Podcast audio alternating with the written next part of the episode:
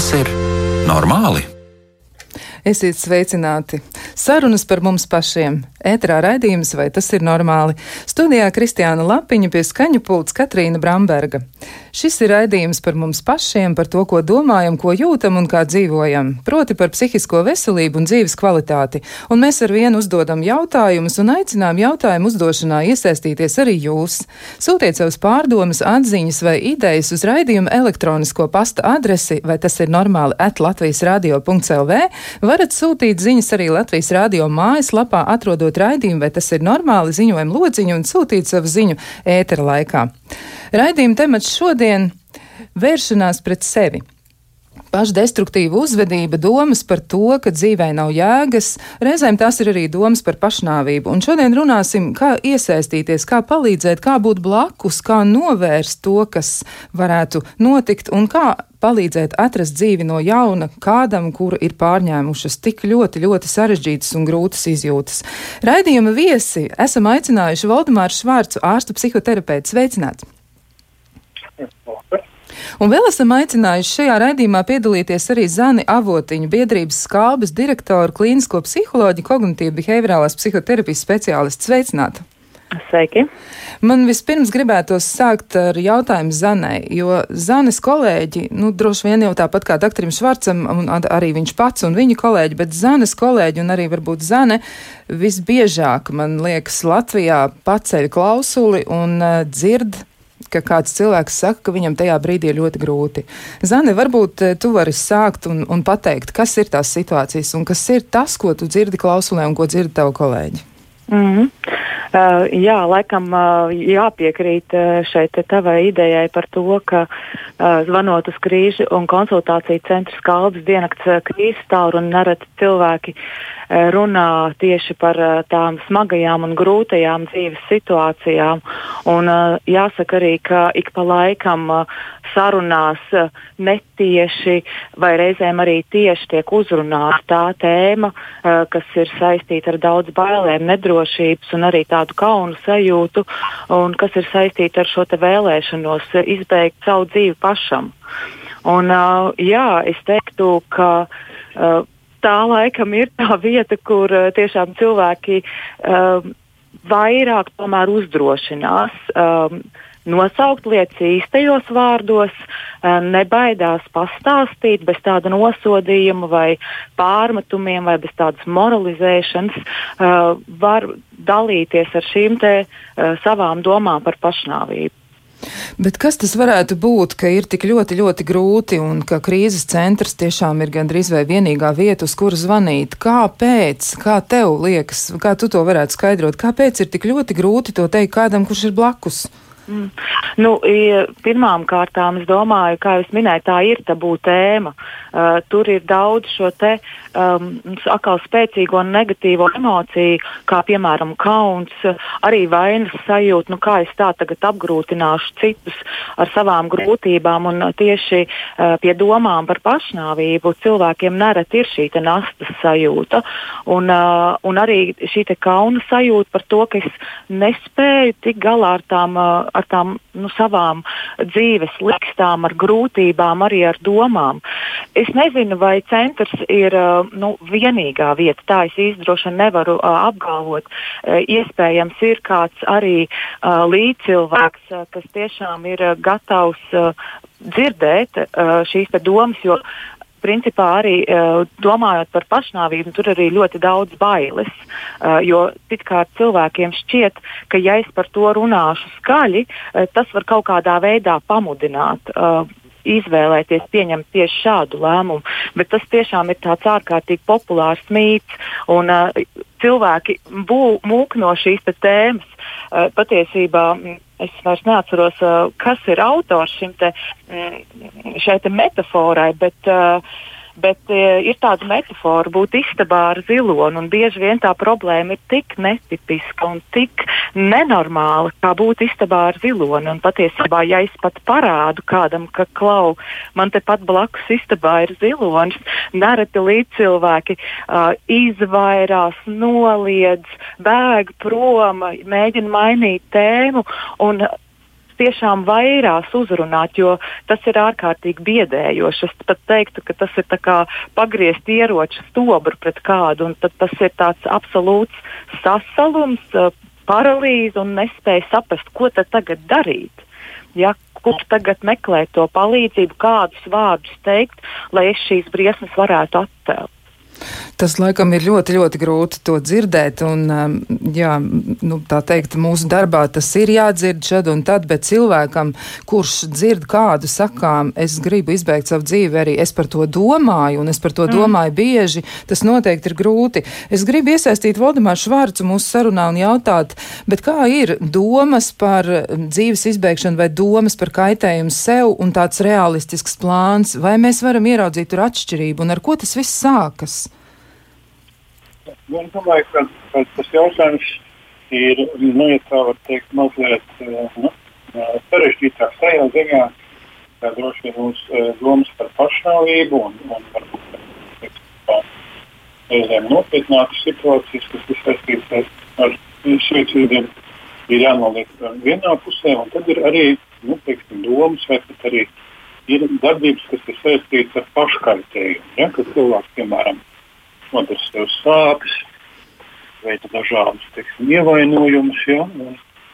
Tā, diemžēl, ir parādība, kuru mēs varam novērot diezgan bieži arī, arī teiksim, pēdējā laikā tieši starp jauniem cilvēkiem.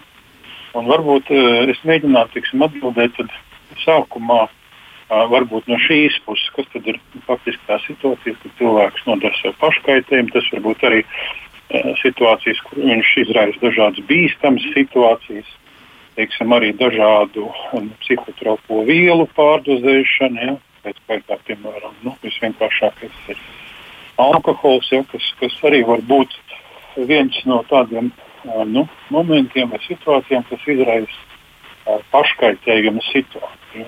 Būtībā nu, izveidojās tāds tā kā samērā labi aprakstīts dažādos pētījumos. Nu, tāds, dinamisks cikls. Ja, tad, tad cilvēks pārdzīvo kaut kādu iekšēju konfliktu, kas apdraud viņa patības sajūtu. Nu, piemēram, ja mēs paskatītos kaut kādu jaunu cilvēku skolā, pret kuru ir vēsta varbūt vardarbība, ja, tas, kas arī varbūt arī pieaugušo nu, cilvēku vidē, darba vietās, piemēram, dažreiz dažāds nelabvēlīgs psiholoģiskais klimats, kuram cilvēks ir pakļauts un viņš neredz, ka no situācija, šīs situācijas ir kaut kāda izēja. Ja?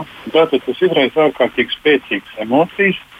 Tā kā nu, iepriekšējais kolēģis jau runāja, tieši kauns, ja? dziļš, dziļš kauns un uh, bezspēcības sajūta. Un līdz ar to kaut kādos brīžos, piemēram, uh, šī situācija var būt salīdzināma ar tādu tā paniku panika, kas apdraud manas nu, patības sajūtas eksistēšanu. Ja, jo mums ir ļoti svarīgi to savu nu, patības sajūtu izjust kā kaut ko patstāvīgu, nepārtrauktu, stabilu, drošu. Ja, piemēram, viens no tiem arī mītiem, par kuru uh, tagad tik daudz runā, ir nu, mīti par, par uh, to, kas ir saistīts ar vakcināciju. Ja, cilvēkiem teiksim, liek šaubīties par to, ka šī vakcīna var kaut ko jūsos izmainīt, izmainīt tik būtisku, ka pēc tam jūs nebūsiet īsti tāds, kāds bijāt līdz šim. Un, lai arī teiksim, šīs sarunas ir abstraktas, neskaidras, reizēm pretrunīgas vai pat dīvainas, cilvēkos tas rada reālu trauksmi, reālas bažas, ja? un viņi izvairās no šīs situācijas. Bet, ja jūs, piemēram, esat nu, tādā situācijā, kā, kā tas ir saistīts ar skolu vai darbvietu, no kuras jūs nevarat izvairīties, tad kaut kādos brīžos, kad jūs redzat sevi nu, ārkārtīgi apdraudētu un ir šī iekšējā panikas sajūta, dažiem cilvēkiem rodas šī te, nu, vēlēšanās vai arī šīs darbības, kas ir uh, paškaitējošas. Ja? Nu, piemēram, nodarot sev sāpes vai radot sev virkni dažādu ievainojumu, ja, kas vēl nav varbūt tādi tā kā uz suicīdu virzīti uh, uzvedumi. Un uh, paradoxālā veidā reizēm cilvēks izjūt atvieglojumu. Ja, tad, tad pārdzīvojot šādu situāciju, viņš izjūt kā atvieglojumu, ir tāda tā kā izlāsta. Un uh, pēc kāda laika atkal atgriežas viņam vainas sajūta, kaunas sajūta par to, ko viņš ir darījis. tas patiesībā neko nerisina. Un, tas atgriež viņu atpakaļ tajā sākuma pozīcijā, pie tā sākotnējā konflikta. Līdz ar to šāds ciklus var atkārtoties daudzas, daudzas reizes, kurā cilvēks iziet cauri šīm dažādajām fāzēm un tādējādi nonāk dažādās nu, sev neizdevīgās, destruktīvās, citreiz pilnīgi skaidri redzami nu, ievainojošās situācijās. Ja? Jā, nu tāds, tā kā, to, tāds aburtais lokus ir izveidojies. Jā, jā, jā visu laiku tādā ir. Loks, un tas ir diezgan labi aprakstīts. Ir, ir tas, nu, daudz, daudz tādu palīdzības centru, kuru nu, teiksim, izdalītajā literatūrā par to ļoti daudz runā un stāsta. Bet, protams, tieši tā kā jau pirms tam runāju, ir ārkārtīgi svarīgi cilvēku iesaistīt nu, noteiktās attiecībās. Tas nevienmēr nozīmē, ka ir kontakts ar psihoterapeitu, psihiatru vai psihologu. Citreiz tas ir vienkārši arī nu, veids, ka cilvēkam var sniegt atbalstu teiksim, gan tuviniekam, gan radiniekiem, gan darba kolēģiem. Viena no, no tām pirmajām situācijām ir tā, atrast cilvēku, kas ir pietiekami uzticams, kas var atbalstīt un palīdzēt tālāk sameklēt jau uh, atbilstošu speciālistu palīdzību. Pirmais solis vienmēr, lai cilvēks iziet ārā no šī cikla, ir um, nu, uh, pāraut šo ķēdi. Ja, tātad uh, savā ziņā nebūt vientuļam ar šo, uh, ja tā var teikt, patoloģisko emocionālo ciklu, ja, kas kā tāds uh, atvars uh, ievelk iekšā dzīvē. Ja? Un tā ir tā uh, biedējošā, tā ir tā, ja tā var teikt, uh, nu, bezpalīdzīgā sajūta. Jā, man te nu, gribētu tas... mazliet iestarpināt arī, ja, ja var, eh, doktor Švārds, es gribētu uzreiz arī drusciņi pievērsties eh, Zanes eh, pieredzēji par to mazliet varbūt, un tad jūs pēc tam izstāstīsiet mums arī par tiem suicīda draudiem un suicīda atpazīšanu un to situāciju. Man gribas Zanai pa pajautāt šajā brīdī, bet kā ir arī attiecībā uz paškaitējumu? Nu, kāda ir pieredze, ko tu vari teikt par to, kas ir tas, ko tu esi novērojis un dzirdējusi? Kas ir tās uh mhm. situācijas, kur, kur tiešām cilvēks, nu, dara sev pāri un ir tajā aburtajā mm. lokā. Varbūt tev ir kāds komentārs. Uh, jā, uh, tā, protams, arī mēdz būt, kad uh, cilvēki caur šīm savām kaut kādām um, nu, pašradītajām sāpēm mēģina atrast šo atvieglojumu sajūtu. Uh, es teiktu, ka biežāk, uh, kā arī kolēģis minēja, tas ir raksturīgs tādiem pusauģu vecumam un varbūt vēl nedaudz pēc. Vēlāk varbūt tā nav tik izteikti šī paškaitējošā vai varbūt savainošanās. Vēlāk varbūt tas pāraug tajā tādā autoagresīvā uzvedībā, tiešām pārmērīgi lielā uh, alkohola patēriņā, arī ātrā braukšanā, jā, ne, ne, nedomājot par to, nu, kā kādas tās sekas, tādas riskants, uh, riskants uzvedības izvē, izvēlē. Bet jā, es šobrīd kā, pārdomājot to, nu, kā, ar kādām grūtībām cilvēki vēršas uh, uz krīzes tālruni, man šķiet, ka biežāk tie ir jau šie te, nu, šīs te, pirmām kārtām domas ja, par, par, par pašnāvību, un otrām kārtām jau plāns par to, kā to izdarīt. Retāk varbūt tiešām cilvēki atpazīst šo savu uzvedību kā patiesībā paškaitējošu. Tātad tas ir, tas ir retāk, vairāk ir par domām. Nu, tad tagad uz īsu brīdi atgriežamies arī pie doktora Švarca un viņa, viņa nu, izteikumiem par to, kā tad tas tālāk var pāraukt, jo viena lieta tātad paškaitējoša uzvedība, riskanta uzvedība, ātra braukšana, varbūt nu, tā īsti neapzinās cilvēks, ka viņš pats varētu aiziet bojā un kaut kādā ziņā varbūt tas viņu vilina, bet no vienas puses arī ļoti biedē, jo viņam ir ļoti daudz dažādu grūtību iespējams tajā brīdī. Bet kā tad no tām bīstamajām situācijām vai no paškaitējuma kaitējuma, ja tas tā notiek, var nonākt līdz pašnāvības domām, vai arī pašnāvības domas varbūt reizēm rodas pašas par sevi. Varbūt jūs varat tā izstāstīt, kā tas ir. Doktor Švārds. Jā, pašnāvības domas tas jau ir tā, faktiski tas nākošais solis, jā, jo parādās tā, tā situācija, ka cilvēks izvēlas mērķi šo te, nu, patības sajūtu. Ja, tad, tad viņš vērš to savu agresiju nevis uz kaut kādu ārēju objektu vai ārēju situāciju, vai uz kaut kādu uh, varbūt arī mēģina pārslēgties konstruktīvāku darbību, ja, bet, tieši parādās nu, šī situācija, ka šis mērķis vai destruktivitātei ir, ir cilvēks pats. Un, protams, ka šeit nu, ir mm, diezgan bieži tie divi, divi atslēgas pārdzīvojumi. Tas ir kauns un vainas sajūta. Ja? Divi tādi, tādi momenti. Bieži vien šie divi pārdzīvojumi iet roku rokā. Tātad vainas sajūta parasti ir kaut kas mazliet nu, konkrētāks, vairāk saistīts ar kaut kādu rīcību un situāciju. Reizēm tā var būt iracionāla, reizēm tā var būt racionālāk. Un kauns savukārt vairāk rada šo te, nu, ārkārtīgi smago pārdzīvojumu, kurā bieži vien cilvēks neredz citu risinājumu. Un šeit parādās nu, tas tāds ziņā, tāds, tā pārējais moments, ka, ka faktiski nu, jebkurš cilvēks, tā teikt, runājot, ir saistīts ar divām lietām. Ko viņš jūt un pārdzīvo, un ko viņš domā. Ir divas, divas lietas, kas ir nu, mūsu, mūsu iekšējā pasaulē, divas mainīgas lietas. Tāpēc mēs saucam par tādiem savā ziņā psihotiskiem. Tā ir mūsu domās un, un, un mūsu jūtas, mūsu pārdzīvot. Reizēm mēs diezgan skaidri varam redzēt, ka mūsu domāšana lielā mērā ir emocionāla emocionāli motivēti.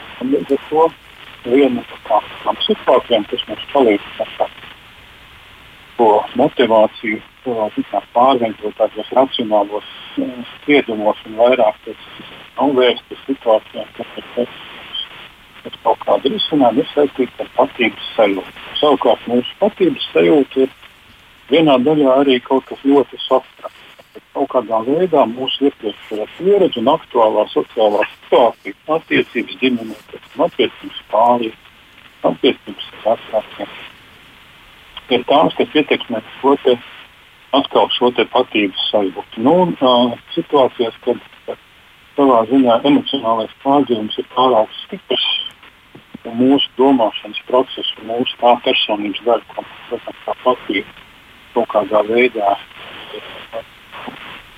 varbūt izkropļoti, novājināti. Kauns ir viens no tiem momentiem, kas lielā mērā izkropļo mūsu domāšanu. Tāpēc arī tas ir Bet vai, jā, bet vai to var saistīt kopā ar kādu, varbūt jums ir kāds nu, piemērs tāds abstrakts savā ziņā, bet vienlaiks arī, nu, lai var atpazīt, kā tas ir, jūs, nu, ja patība ir apdraudēta vai cilvēks nejūtas īsti nu, labi. Nu, tāds, nu, piemēram, tā pati situācija ja mēs uh, paskatītos nu, teiksim, uz jaunu studentu, viņam ir 22 gadi. Ja? Uh, viņam ir uh, nepieciešams uh, sagatavoties savam bakalaura darbam, no kura viņa dzīvē ir ļoti daudz kas teiksim, atkarīgs tajā brīdī. Ne? Un, piemēram, viņam ir, ir situācija, kad tajā apmācības procesā, piemēram, uh, nu, pasniedzējs ir kaut kādā ziņā neiejūtīgs, neieinteresēts, savā ziņā varbūt arī nu, tāds ļoti ironisks. Uh, viņam nav, nav teiksim, viņš jūtas vientuļš, viņam ir draugu, uh, studiju biedri nesniedz atbalstu, vecāki ir, ir varbūt tāds aizņemti ar savām lietām, vai nav pieejami, vai varbūt ir arī teiksim, nu, piemēram, jau gados. Un, ļoti sliktu veselības uh, stāvokli. Viņam, piemēram, ir, ir bijušas uh, attiecības ar draugiem. Draudzēm izskatās ļoti kritiski, un viņi pamats atstāja. Ja? Nu, beig, beigās izrādās, ka viņa izvēlētā specialitāte nav patiesībā pieprasīta. Viņa nākotnē neskaidra un, un ļoti iespējams, ka viņš no nu, ja pūliņa ir bijuši neveiksmīgi tādējādi nu, parādās tā situācija, ka šis jaunais cilvēks ir, ir zaudējis sociālo atbalstu. Viņš ir uh, zaudējis nu, šo patības daļu, uz kuru viņš varētu atbalstīt izskaiet pēc šīs pieredzes. Viņam, piemēram, nākotne ir apdraudēta, neskaidra. Ja? Tad nav arī kaut kādas nu, teiksim, atbalsta situācijas. Līdz ar to vienīgais mērķis viņa jūšanās sajūtai, viņa dusmām un arī tai kaunas sajūtai, kas viņu pārņem visdažādākās situācijās, jūs, nu, viņa, viņa patīk. Līdz ar to parādās domas. domas iegūst ļoti emocionāli slēptu piesāstītu materiālu. Tātad, dzīvē nav jēgas, viņa nav jēgas, kad dzīve ir tiešām pilna. Un ļoti svarīgi arī tas, ka faktiski tā trauksme, kas ir saistīta ar patreizējo situāciju, tiek projektēta uz nākotni. Un, līdz ar to nākotnē viņa spējas ar kaut ko tikt galā liekas ārkārtīgi apšaubāmas. Nu, tad vienīgais veids, ko viņš var darīt, ko viņš var kontrolēt, ir kaut kāda varbūt destruktīva rīcība un rodas suicīda plāns. Nu, ja šajā situācijā viņam neizdodas kaut kādā veidā ar savu rīcību, ar savu uzvedību, ar kaut kādu situāciju uh, mazināt to, tad, tad tā situācija var attīstīties ārkārtīgi bīstamā veidā. Ja?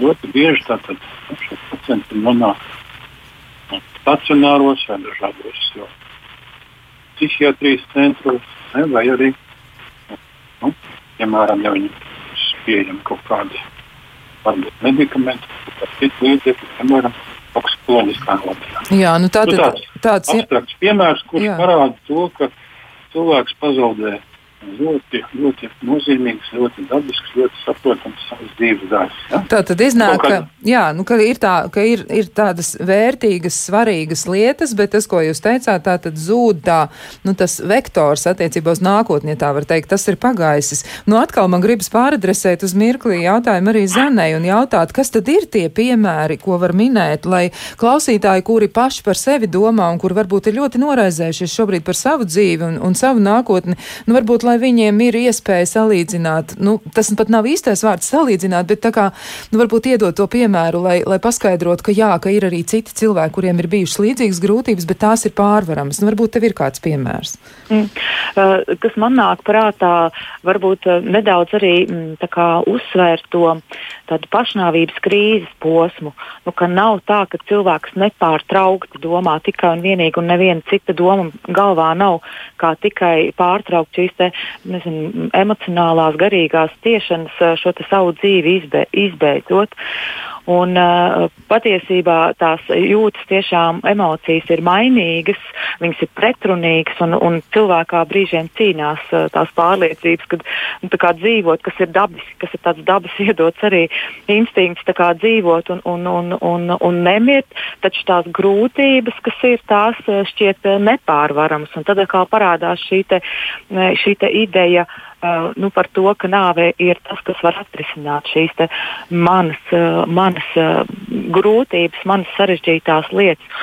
Un, uh, parasti mēs arī uh, domājam par tādu darbu pie krīzes tāruņa, mēs uh, mēģinam uh, cilvēkus uzrunāt uh, pirmām kārtām, nu, kādā, nu, ka, ka var, varbūt var teikt tā, kā atmaskot, nu, kad uh, viņš var pateikt, ka jā, viņš domā par pašnāvību, bet tad, uh, kad mēs esam pārliecinājušies, jā, ka šīs domas ir un to akceptējam, nu, tā, nu, tā kā pieņemam, nevis noliedzam, sakam, nē, nē, nedari, tev šito noteikti nevajag un kā jutīsies tavi radinieki un tam līdzīgi, bet akceptējot šo domu, ka tāda ir ienākusi prātā, uh, mēs runājam par to, kas ir novedis cilvēku līdz tam, kāpēc, uh, kāpēc šis te, mm, plāns ir ticis aptvērts. Tas patiesībā novērš, uh, nevis novērš uzmanību, bet mazina to spriedzi, kas ir saistīta ar nu, miršanu, jo pašnāvība pati par sevi nav problēma. Problēma jau ir viss tas, kas ir noticis līdz šim brīdim, kas cilvēku ir pamudinājis.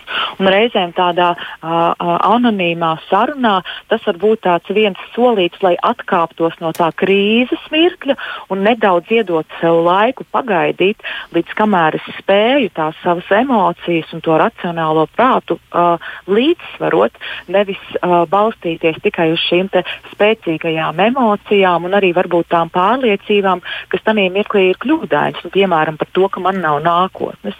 Jā, varbūt tiešām apstājoties, paņemot pauzi, ir iespējams nu, tiešām nolīdzsvarot prāta un, un, un, un emociju šo līdzsvaru dabūt, un, un tas var uh, atvieglot to spriedzi par to, ka es vēlos nomirt un nedaudz uh, atļaut padomāt, nu, kā, ko vēl es ar to varu darīt. Ja, jo par pašnāvību tiešām runā par krīzi, ir jāpārvar vairāki nu, soļi, lai es spētu kā, stabili un nevis impulsīvi jā, kā, nonākt pie šī lēmuma, ka jā, es gribu šobrīd nomirt. Un arī es domāju, tas, ko man gribētos arī varbūt pilnīgi noteikti pieminēt un uzsvērt, ka pašas domas sevi par pašnāvību, tās tajā mirklī varbūt nav tik bīstamas. Ja ir plāns, kā to izdarīt, tad tas jau savā ziņā liecina par tādu augstāku risku, ka uh, Ja, ka, ka, tas, ka, ka tas liecina par to, ka tā iespējamība iespējams ir tiešām daudz lielāka. Jo gandrīz katrs, es teiktu, jā, katrs no mums kādā savā dzīves situācijā ir atļāvis tai uh, trakajai domai ienākt prātā, nu, reāli labāk būtu bez manis bet bieži vien tā iekšējā cenzūra, nu, tā kā saka, nē, nē, veids tas ir par traku, jau mēs domājam tālāk. Bet citkārt, jā, tās domas ā, nāk biežāk, nāk intensīvāk, uzkavējās ilgāk, un tā tie ir atkal tādi signāli, kad ir iespējams jāpievērš šim uzmanību, un tad jādomā, kas ir tas, ā, kā es varu atrast sev palīdzību vai lūgt atbalstu no kāda cita. Jā, noteikti par to mums ir jārunā vairāk arī par to, kā atpazīt un kā palīdzēt palīdzēt, bet šo sarunu mēs turpināsim tūliņ, tūliņ pēc īsa brīža.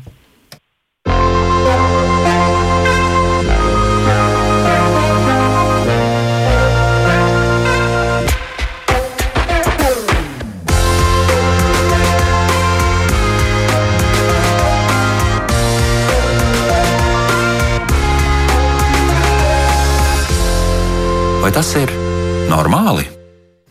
Turpinām sarunu. Šodien mēs jautājam, vai tas ir normāli, ka kādreiz ienāk prātā doma, ka dzīve varbūt ir jāizbeidz un ka nav vairs vērts cīnīties ar to, kas notiek, jo vēršanās pret sevi nekad nav vienkārši izvēle. Tā ir situācija, kad šķiet, ka citādi nav iespējams, nav spēka, nav izjūtas, ka kaut kam ir jēga, un cilvēks, kurš domā par pašnāvību vai paškaitējumu vai plāno to darīt vai dara kaut ko pāri sev cieši un neredz citu veidu, kā atbrīvoties no ciešanām, bet tāpēc mums ir jāiesaistās un noteikti mums ir jāmēģina palīdzēt. Bet vēl gribu atgādināt, ka raidījuma laikā mēs atbildām uz jūsu jautājumiem. Jūs varat tos iesūtīt e-pastā, vai tas ir normāli at Latvijas radio.lv, izmantojot arī ziņojumu logu Latvijas radio mājaslapā raidījuma laikā. Jūs noteikti varat sūtīt ziņas. Un vēl gribu atgādināt par pieteikšanos podkāstam un arī par podkāstu klausīšanos. Šis ir jauns formāts, ko daudz klausītāji jau ir iecienījuši, un arī Latvijas Rādio viens piedāvā jums šo iespēju. Jūs varat klausīties podkāstu ar tādu pašu nosaukumu vai tas ir normāli, par visdažādākajiem tematiem, sākot no bažām par sevi un beidzot ar jautājumu, kā tad ir ar dzīvi kopumā, vai tā izdosies un kā tad būs. Un jau ierakstītos podkāstus varat noklausīties, izmantojot Latvijas sabiedrisko mediju mājaslapu. Savukārt paši pieteikties un piedalīties virtuālā sarunā, uzdodot savu jautājumu un aprunājoties ar speciālistu par jums nozīmīgu svarīgu problēmu, jūs varat sūtot īsu savu problēmas pieteikumu Uz e-pastu, vai tas ir normāli, at Latvijas radio.lv, un mēs noteikti ar jums sazināsimies. Bet, nu, atgriežamies pie raidījuma temata šodien. Tātad paškaitējoša uzvedība, domas par to, ka dzīvē nav jēgas un domas par pašnāvību. Un mēs eh, noteikti varam mēģināt saprast, kā tad pamanīt. Arī klausītāji raksta mums. Mm, tātad, pirmkārt, jau labvakar, paldies, ka aizskarat tik smagu, bet tik aktuālu tematu, un kā atpazīt pirmās pazīmes, lai cilvēkiem palīdzētu, kā atrast pareizos vārdus. Tas ir viens viens jautājums, un otrs, ko es arī gribētu paturēt prātā, bet to es uzdošu mazliet vēlāk un vēlreiz aktualizēšu par to, ka jauni cilvēki par to mēdz biežāk domāt, un abi eksperti tā teica, bet ko darīt vecākiem vai arī brālim, māsai, un ko tad ieteikt tādā situācijā? Nu, tas ir par to, kā atpazīt un palīdzēt un kā iesaistīties. Varbūt sākam ar Zani Avotiņu, un tad eh, dr. Švarts noteikti var papildināt. Kā pamanīt? Uh, jā, um, Nu, protams, eh, es līdzīgi kā telefona sarunās, kā es iepriekš minēju, ir cilvēki, kas spēj diezgan droši un atklāti pateikt, ka es domāju par pašnāvību un man ir plāns un, un es esmu šo te jau nolēmis, eh, bet citkārt cilvēki runā eh, nu, tādos izteicienos. Un netieši stāsta un saka, ka tā dzīve šobrīd varbūt nav tik laba. Un bieži vien ir uh, dažādi šie izteicieni, ka bez manis citiem būs labi, vai mana dzīve ir kļuvusi bezjēdzīga, vai priekš manis viss ir, ir beidzies. Un patiesībā uh, krīzes tālruņa konsultanti ir apmācīti būt uzmanīgi uh, pret šiem izteicieniem vai pret šīm emocijām, kas ir, kuras ir nu, tās jau pieminētā bezcerība un bezpalīdzības sajūta ārkārtīgi liela liels emocionāls ciešanas, arī depresijas un nogurums no dzīves. Un, uh, mēs tieši saucam to vārdā. Mēs uh, nebaidamies uh, saukt pašnāvību par pašnāvību, nevis par kaut ko, kas varētu notikt vai kaut ko briesmīgu. Uh, mēs saucam pašnāvību vārdā un tādā, tādā veidā mazinam patiesībā to uh, nu, tādu mm, spriedzi ap šo tēmu, kurai tad visi grib staigāt apkārt un, un, un gribētu no tās izvairīties.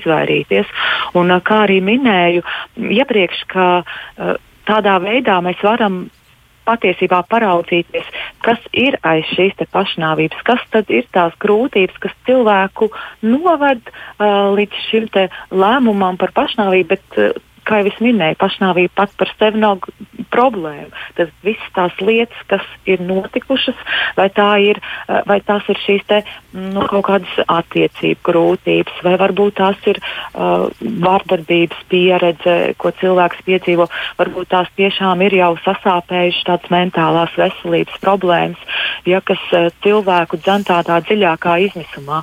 Un pirmām kārtām tad, tad tās ir šīs emocijas, bezcerība, bezspēcība, zaudējuma sajūta, sāpes, eh, nogurums, tukšums, nejūtība, kauns un tāds pazemojums, kas emocionālā plāksnē parādās uh, cilvēkā, kad viņš ir uz tās robežas, kad jau apsver šo iespēju. Un otra uh, būtiska lieta tā ir izmaiņa uzvedībā un rīcībā, tāda izolēšanās, norobežošanās. Cilvēks atsakās no lietām, kas viņam ir patikušas iepriekš, zaudē tādu nu, dzīves prieku. Jau pieminētā pašdestruktīvā uzvedība, izmaiņas, piemēram, tādos ēšanas vai miega paradumos, nereti, kas ir raksturīgs arī tāds, tāda atvadīšanās uzvedība, atdod savas mantas, kas ir bijušas īpašas šim cilvēkam, var gatavot arī kaut kādu šo vēstuli, ko, ko, ko vēlās atstāt ja, pēc savas nāves. Liels patiesībā riska faktors ir arī tādi iepriekšēji pašnāvības mēģinājumi.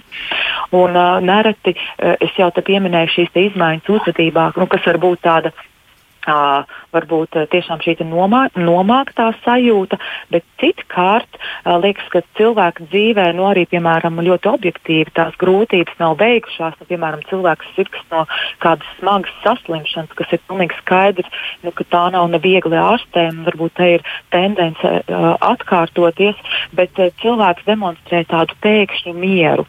Jā, tas ir kaut kas absolūti atšķirīgs no tā, ko tas cilvēks ir darījis līdz tam.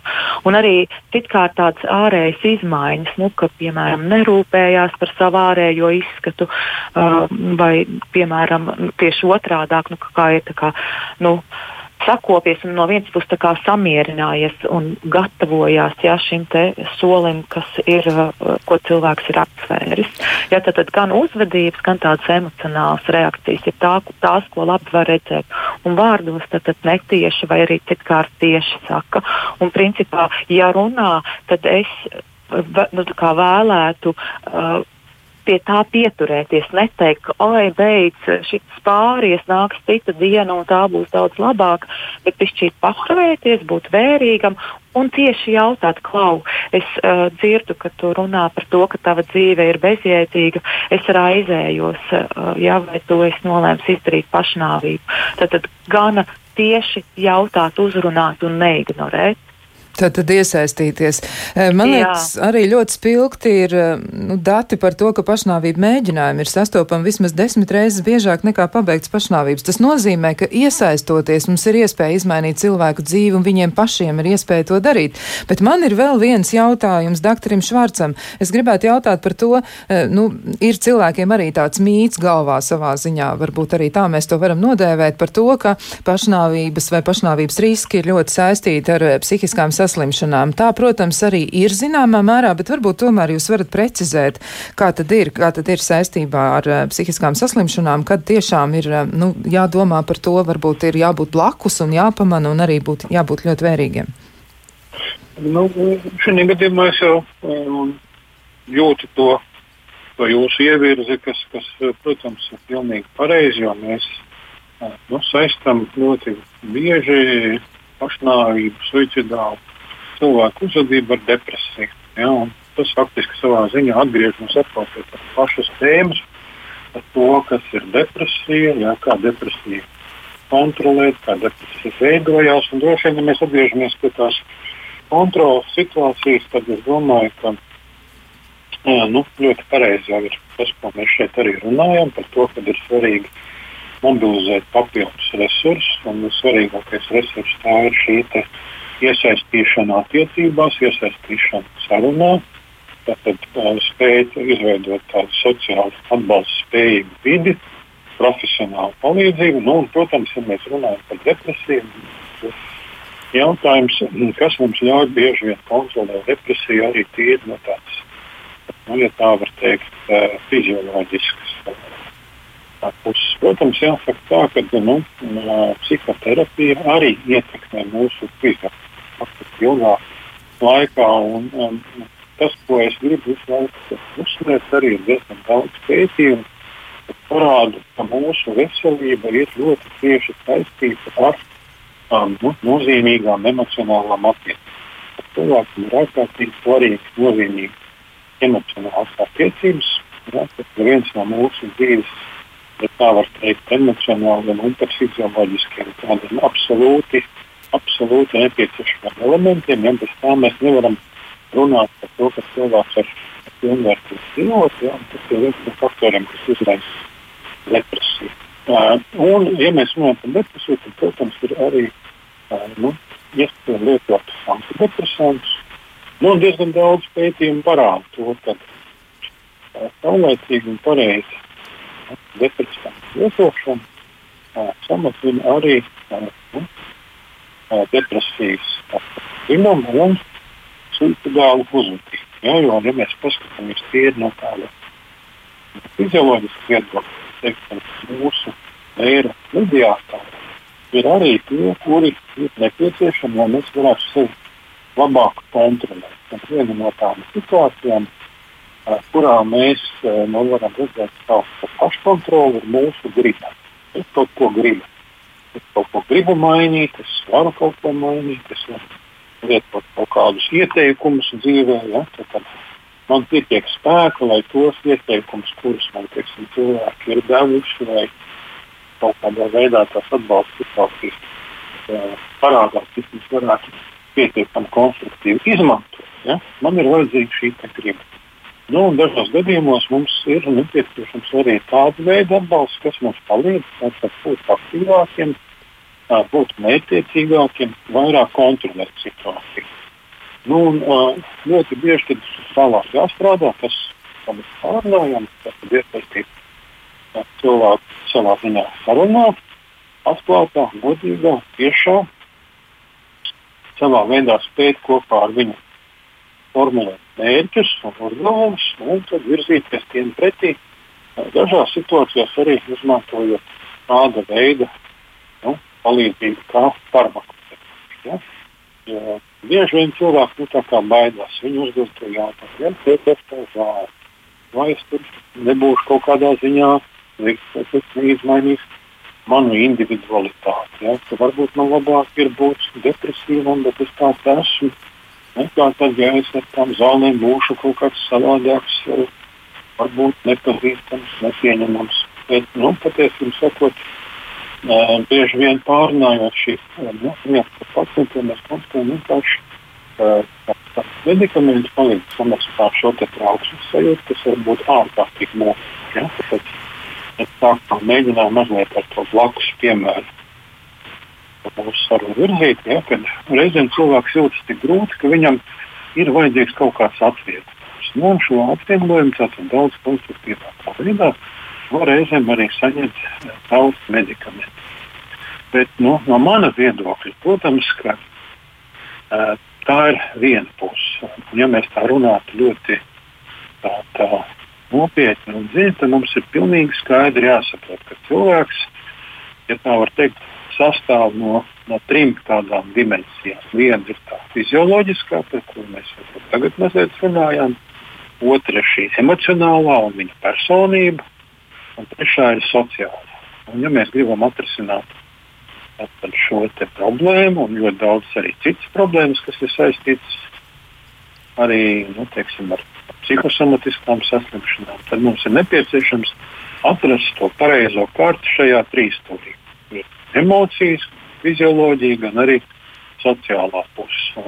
Tas pats attiecās arī uz, uz uh, nu, suicidālu uzvedību kā, kā problēmu. Tātad mums ir pacienti jāatrod šī pozitīvā sociālā iesaiste, attiecības, mums ir jāspēj iedziļināties un palīdzēt viņam saprast viņa emocijas, pieredzi un, un tos mehānismus, kādus viņš izmanto, lai, lai, lai definētu sevi, lai, lai veidotu savu nākotni.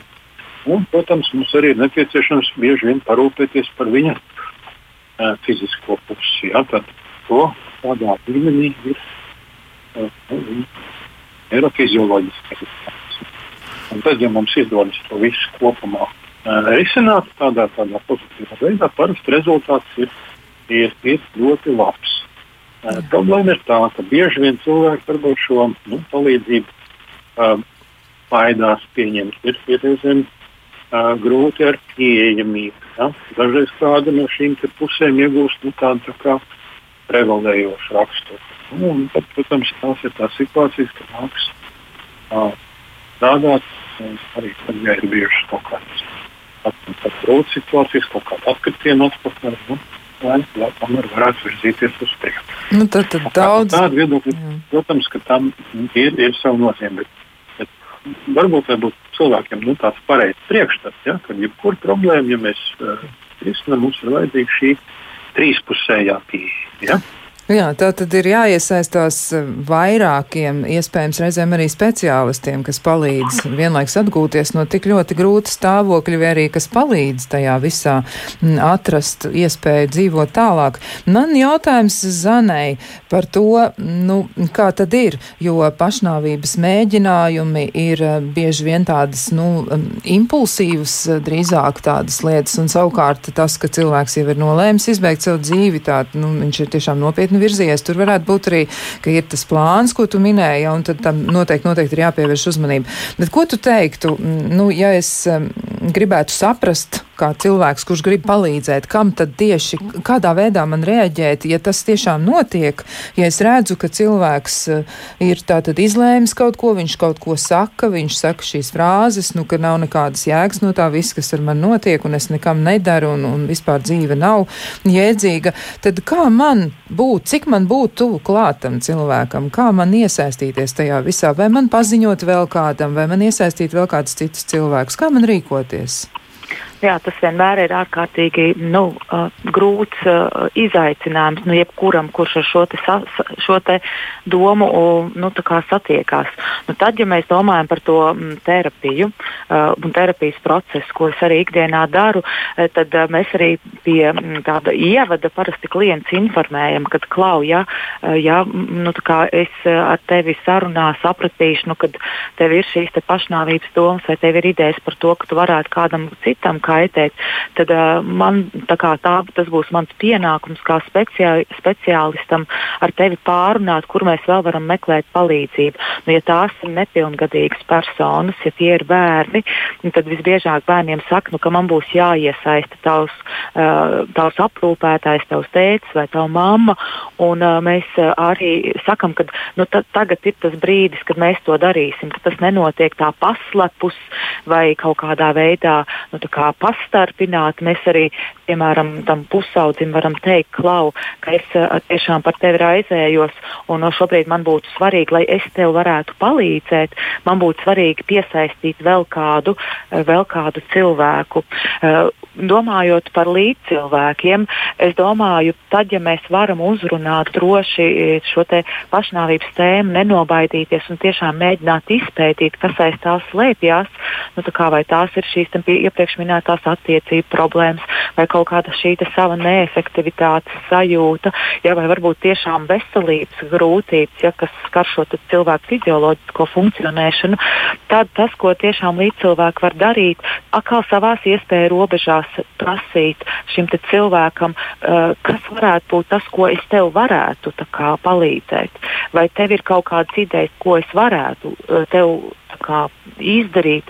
Uh, šeit ir svarīgi, ka uh, nevajadzētu īsti, man liekas, darīt otru, it īpaši pieaugušu cilvēku vietā.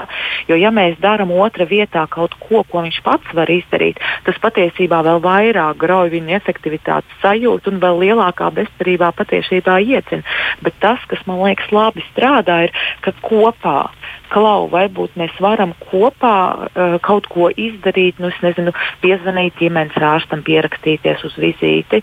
Uh, varbūt uh, kopā mēs varam izpētīt speciālistus, pie kā var vērsties.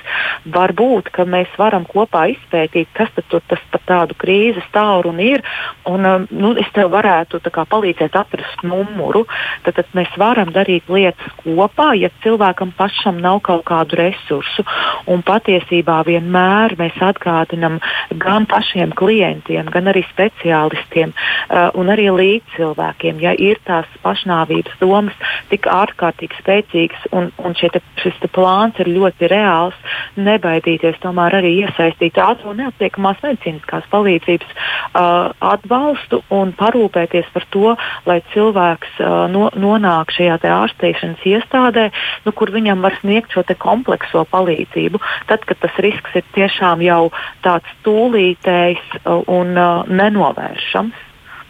Jā, varbūt tas ir arī īstais brīdis, kad atgādināt eh, krīžu un konsultāciju centra tālruni, jo tur var zvanīt visu diennakti. Ir arī citas iespējas, bet eh, man liekas, ka tur ir arī zinām laika ierobežojumi par citiem krīzes centriem runājot.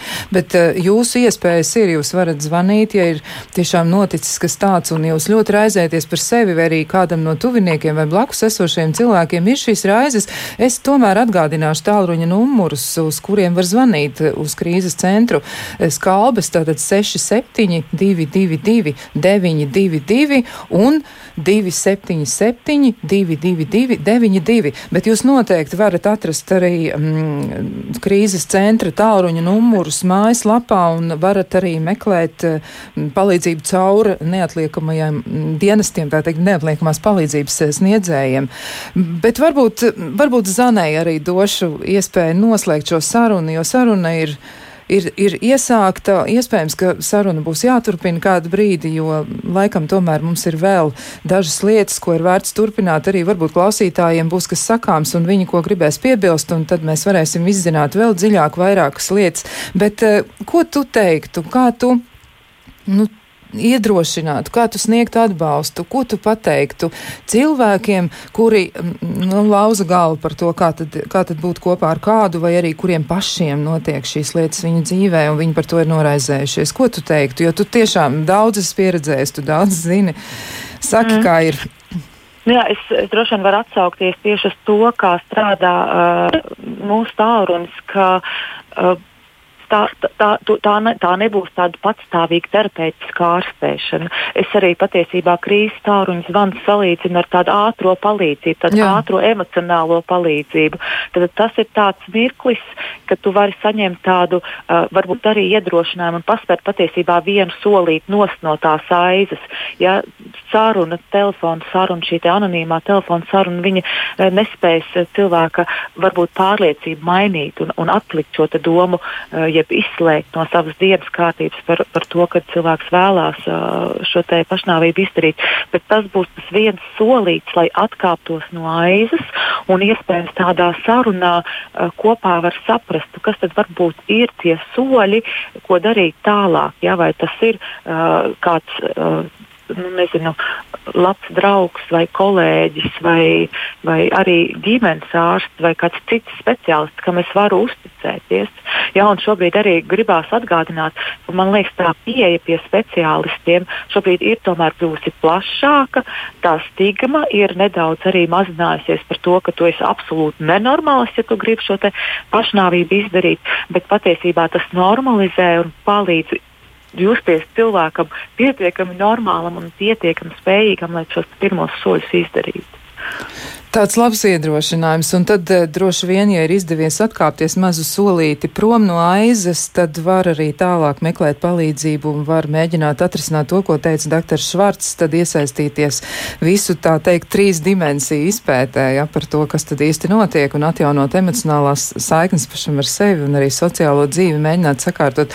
Jā, klausītāji arī vēl piebilst dažas lietas, kas ir atsevišķi temata vērts, jo Kaspars raksta mm, agresīvu pārgalvīgu uzvedības ceļu, jo vairs nav tikai individu problēma, bet visas sabiedrības apdraudējums. Noteikti arī tā.